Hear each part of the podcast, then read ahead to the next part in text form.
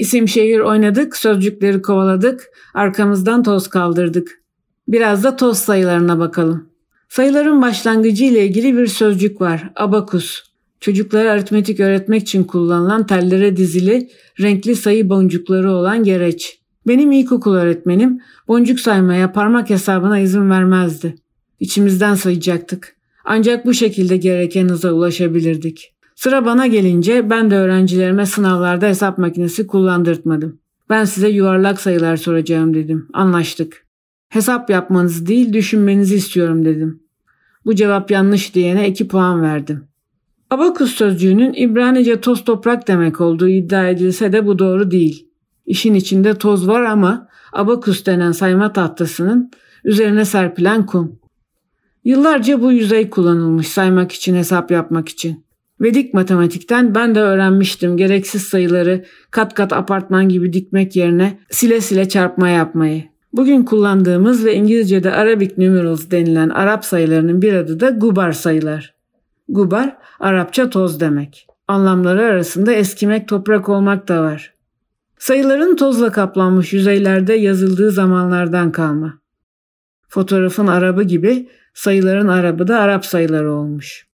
Vedik matematiği yutmuş bir Hintli matematikçiye geçiyorum. Şirenivasa Rahmanujan.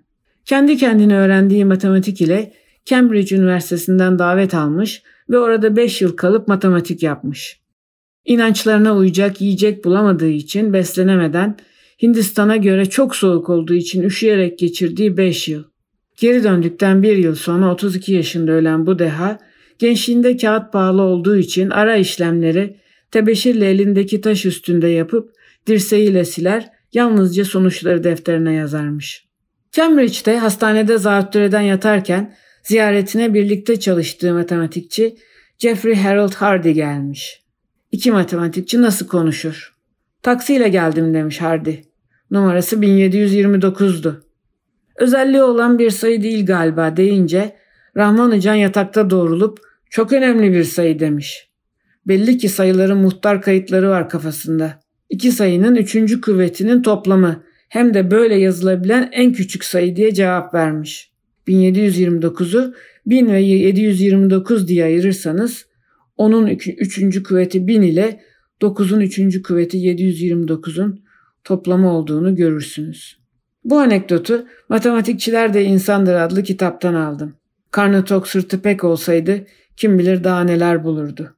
Ya da sayılarla söylersem karnı dokuz sırtı dokuz olsaydı.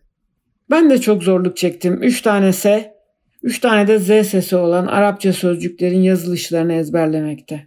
Çareyi onların numaralarıyla kodlamakta buldum. Bu kodlamalar bazen güzel sürprizler çıkardı karşıma.